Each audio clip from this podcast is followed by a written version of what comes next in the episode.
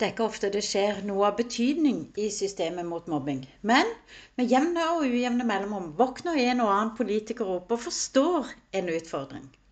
Denne uka er det en fremskrittspolitiker som har sett lyset, og det er foreldelsesfristen det reageres på.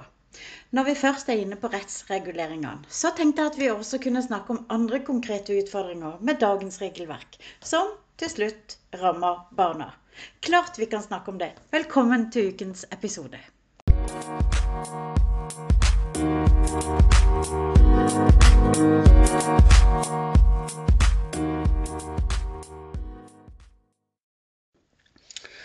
Tine Off er den første og eneste antimobbeentusiasten i Norge som ser på arbeidet mot mobbing fra alle tenkelige vinkler. For å ta fremskrittspolitikerens utspill i media først, er det altså de mange mobbesakene det har vært skrevet om i media, som er utgangspunktet for ønsket om å få justisministeren til å se nærmere på foreldelsesfristen i skolemiljøloven, som i dag er på tre år. Akkurat den samme fristen som for å reise erstatningskrav til kommunen. Det er et godt grep om systemet kan ta tak i denne bestemmelsen, for i samtlige av de kompliserte sakene som jeg møter, er familiene på en helt annen jakt i gåstegn enn etter penger tre år etter at mobbingen ble avslørt. Ofte står de i kamper med skolen om å bli møtt på sine behov for trygghet. De står i kamper med helsesektoren om å få hjelp med de psykiske konsekvensene. Og så står de i en kamp på hjemmefronten om alt fra mat, søvn, angst, bekymring, frustrasjon, fortvilelse osv. Det fortsatte akutte i livssituasjonen for familien skyver ofte fokuset altså på klageordningen, erstatningsmuligheter, prøving for retten osv. Langt vekk fra det akutte. Selvfølgelig. Først et ganske langt stykke ut i saker, etter mange år faktisk, begynner rettferdighetsfølelsen, eller mangelen på det, for å være ærlig, å melde seg hos foreldre. Min erfaring er at foreldre da deler seg noe i sitt hovedfokus. Det er viktig å understreke at ingen jeg har møtt, har forlatt fokuset på barnet, som fortsatt lider. Men noen blir litt mer opptatt av rettighetene sine. Det er jo ikke så rart, for håndteringen fra de offentlige instanser, altså skolen som motarbeider foreldre i det såkalte samarbeidet, helse som avslår eller ikke makter å gi behandling til barnet som hjelper osv., gjør jo at foreldre opplever seg avmektiggjort, feilstempler, verken lytta til eller med påvirkningsmulighet osv. En slik situasjon kan jo få hver og en av oss til å fortvile. Bare for å avslutte dette politikerutspillet, så er jeg altså 100% enig i at foreldelsesfristen utvides med mange år. Ikke minst baserer min mening seg på det faktum at mange av barna som opplever mobbingen, er jo veldig unge når det skjer. Og dermed så tar det tid før en kan stadfeste hvilke konsekvenser de får, som jo også har mye med hvordan de håndteres både av skole og helse. Men ikke minst da, så er det det som legges til grunn for vurderingen i erstatningssaker. Altså hvilke konsekvenser som barna får. Men så er det jo flere områder sånn ellers da, som trengs å tittes nærmere i kortene i systemet mot mobbing og rettsreguleringene. Og de tenkte jeg også vi kunne prate om samtidig. Et annet område som i min ikke-juridiske verden, må bare innrømme det, er en helt innlysende og enkel løsning på skolens fryktelige mange og feil bruk av bekymringsmeldinger, det er avkrysningsboksene, som jeg tidligere har nevnt, som trengs på skolens skjema for bekymringsmeldinger til barnevernstjenesten. Skolen kan med fordel gis den støtten som det er å måtte stå i sitt ansvar i mobbesaker, og ikke gis anledning til å skyve det fra seg. Det er heller ikke på noen som helst måte til barnets fordel at risikoen øker i etterkant av å ha opplevd mobbing. Så denne muligheten må altså, den må vi klare å lukke en gang for alle. Jeg har lyst til å nevne en ting til før vi går over på et ganske kjempe kanskje kjempeoverraskende forslag fra meg som har med læreren å gjøre, og som ingen snakker om. Men om to straks, altså. Jeg har lyst til å nevne fosterforeldre først, og barnevernssaksbehandlere i mobbesaker. Her er det nemlig duket for så mange unødvendige og sakshindrende situasjoner for barnet som skal få hjelp. Reglene er altså slik at barnevernstjenesten har ansvar for barnet, altså slik som biologiske foreldre har. Mens fosterforeldrene som barnet bor hos i hverdagen, kun er bisittere i mobbsaker. Det betyr altså da at hvis det kun er rektor som styrer i saksbehandlinga, blir det en ren distanseledelse av saker. Her er det jeg mener. Rektor er leddet lengst unna eleven som skal hjelpes i mobbesaker. Enig i det? Den som, eh, det er også barnevernstjenesten, tenker jeg da, som kun vet hva den har blitt fortalt via fosterhjemmet. Den som er nærmest til å vite hvilke tiltak som passer til denne eleven ut fra denne klassen og de elevene som måtte være involvert, det er jo læreren, ikke rektoren. Den som er nærmest å vite noe om effekten som tiltakene skolen setter inn, det er jo foreldrene, eller fosterforeldrene i dette eksempelet, da. Hvis ingen av de to siste, eh, fosterforeldrene og læreren, er de som styrer saksbehandlinga i mobbesaken, justeringen av tiltak ut fra effekten osv., ja, da er det igjen barnet som blir lidende, tenker jeg. Fordi distanseledelse vil måtte ta lengre tid. En vil bomme i større grad enn de som da har direkte informasjon, føler på kroppen, ser det i hverdagen osv. Ok, over til mitt læreforslag. Helt siden skolemiljøloven trådte i kraft, så har lærerne ment seg skikkelig urettferdig behandla i rettsreguleringen av når elever opplever seg krenka av voksne, altså lærerne i skolen. Reguleringen er lagt opp slik at rektor oppretter sak og kjører saksbehandlingen uten da at læreren sjøl får lov til å bli hørt. Dette har, som sikkert flere har fått med seg og lest om i aviser, ført til flere feilhåndteringer av mobbesaker. Når det er sagt, har jeg lyst til å legge til erfaringer med akkurat dette. Nemlig at de offentlige instansene de vegrer seg skikkelig for å dømme mot skolen. Det betyr at læreren på mange måter blir like utsatt som barn som opplever mobbing, og hvor det pågår mobbesak helt overgitt rektors håndtering, altså kompetanse og vilje, for å være en regulering som fungerer. Alternativet har vi sett, hvor flere lærere har gått ned for telling fordi de er gjort til syndebukker. Det er forferdelig, ikke sant? Hvis du er enig med meg i det, må jeg bare få sagt at det er nettopp dette, akkurat dette, som barna opplever i mobbesaker. Hvis vi reagerer da på at det skjer blant voksne, altså mellom rektor og lærer, så må vi vel få kunne reagere på det samme for barna. Og så må vi altså ta med at lovparagrafen for der voksne oppleves å utsette elever for krenkelser, der kan en godt heve listen fra ordet krenkelse til ordet mobbing, som har en langt mer omfattende definisjon og varighet som legges til grunn. Da vil en kanskje unngå at elever like enkelt og med helt andre hensikter enn loven er ment å skulle fange, at disse elevene kan melde sak. Når det er sagt, må vi ta med situasjonen der lærere eller andre voksne i skolen faktisk utøver mobbing mot elevene. For det skjer jo. Det er enda verre situasjon for den som utsettes, enn når mobbing skjer elevene imellom, som oftest. Som jeg sikkert har nevnt i en tidligere episode, anser psykologer voksenmobbing som akkurat like ille som vold i hjemmet. Altså, hvis en lærer utøver, eller en annen voksen i skolen for den saks skyld, utøver mobbing mot elever, så er det like ille som vold i hjemmet. Som vi alle reagerer på, og mener jo at vi må, gjøre noe med.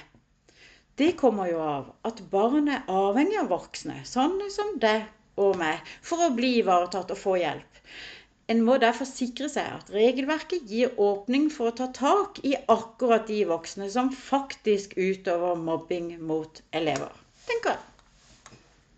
Ok, Langt mer enn to saker senere så har jeg lyst til å reise et forslag som fortsetter meningene som jeg har kommet med de siste ukene her på podkasten, men som vi ikke diskuterer offentlig, nemlig konsekvensene av lærerrisikoen ved mobbesak mot seg kommunal straff der mobbing skjer i skolen, og helseoppskriftene som løsnings... øh, Hva skal man kalle det? Fanatisme.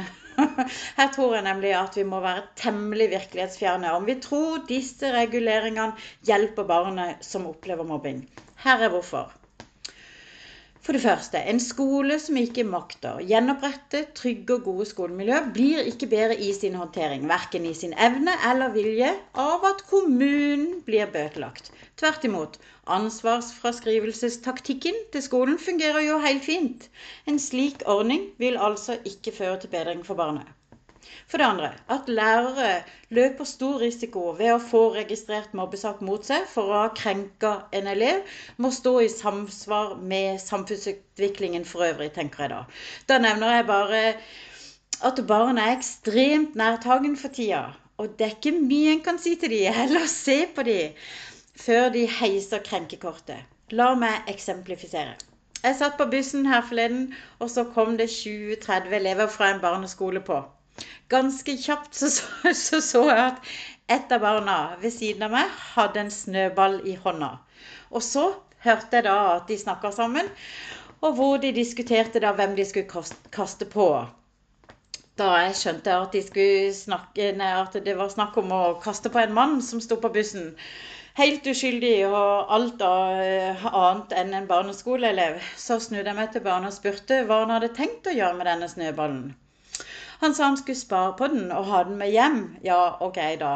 Blikket gjorde det klart at det var overhodet ikke planen. Mitt utspikk fikk da den konsekvensen at det stoppa denne diskusjonen om å kaste på mannen. Men så begynte flere øvrige barn å løpe ut av bussen og hente snø med seg inn igjen på hvert busstopp som vi stoppa på. Det lå, det lå en skikkelig sånn snøballkrig i lufta. Siden det var mange eldre på bussen, så kjente jeg at det bekymra meg litt, så jeg fulgte med.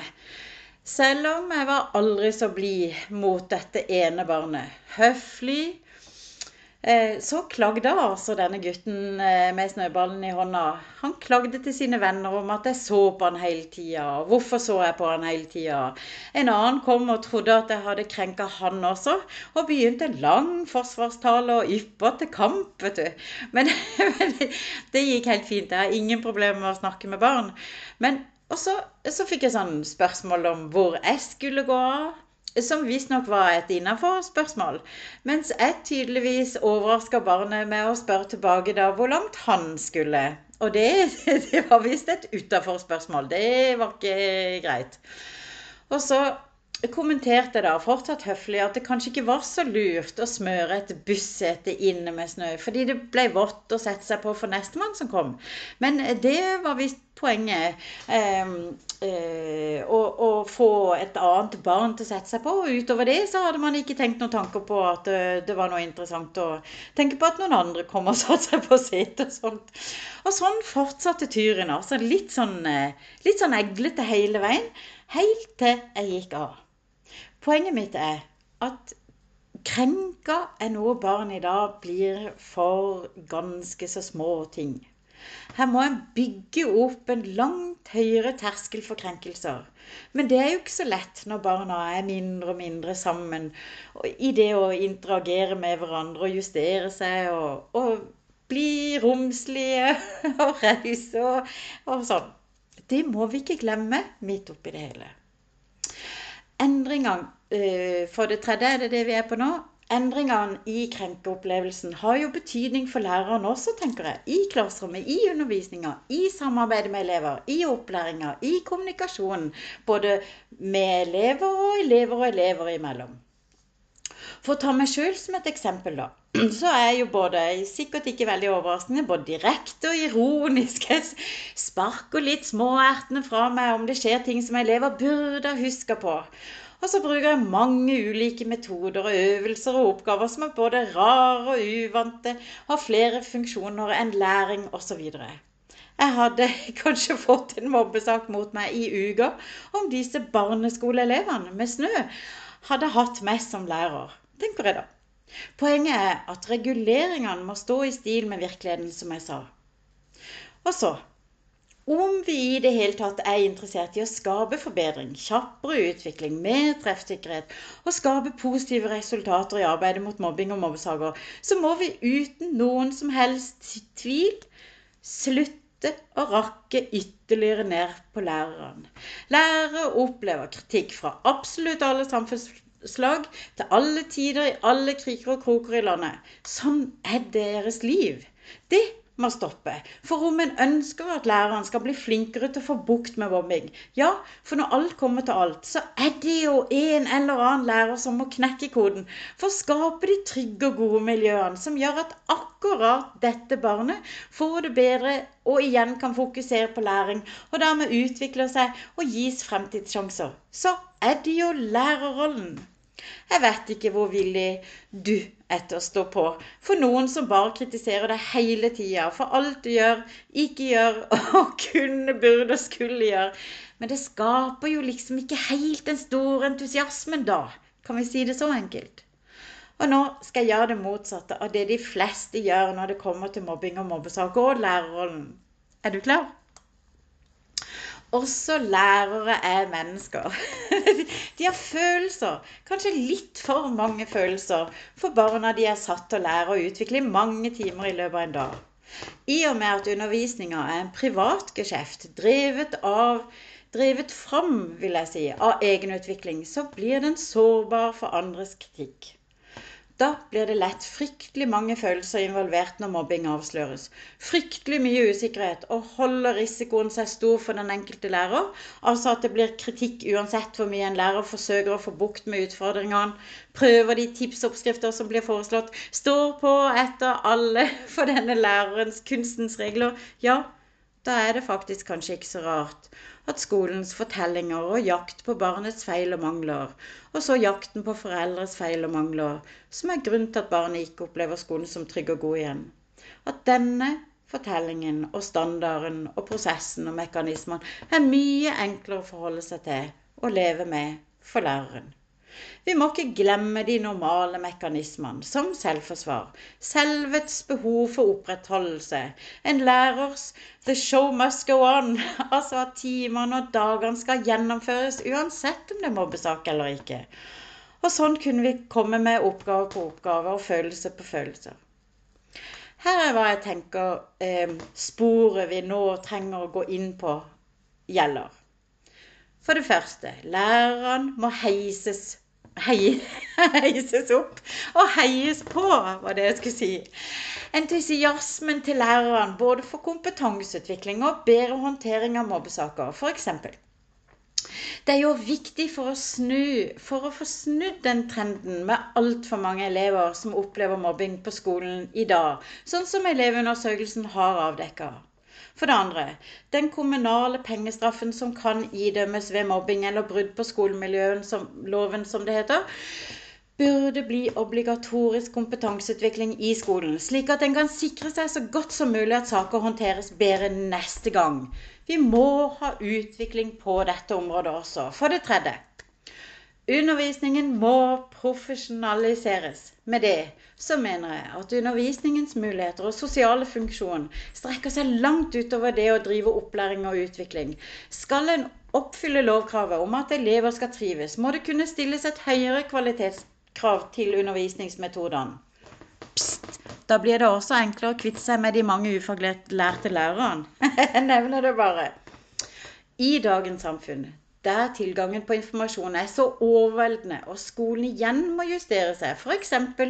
opp mot den siste AI-utviklingen, men også ut fra den enorme økningen i barn og unge som ikke finner sin plass, ikke møtes på sine behov, ikke makter og eller lider i skolehverdagen, kanskje måtte profesjonalisere undervisninga, inkludere sosiale faktorer som monitorering og undervisningsmetoders valg og sånn i sine forberedelser. For jeg tror ikke vi kommer unna at lærere må inkludere de sosiale faktorene framover.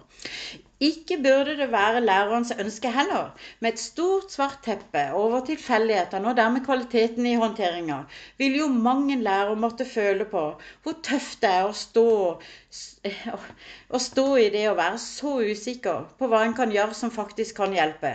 Og særlig over tid, ja år står man jo av og til i. Med over mine over 30 års undervisningserfaring og masse entusiasme på hva en kan bruke undervisningsmetoder til, også sosialt, miljøbyggende og justerende for miljøbygning, elevrelasjonen og gjenoppretningsarbeidet, så mener jeg helt bestemt at vi har et stort uutnyttet potensial her, som vil hjelpe det enkelte barn kjappere, mer treffsikkert og gjennom langt mindre kampvirksomhet mellom voksne. Det fordrer imidlertid at vi gir lærerne en sjanse, krever at kvaliteten øker, og så legger reguleringene til rette.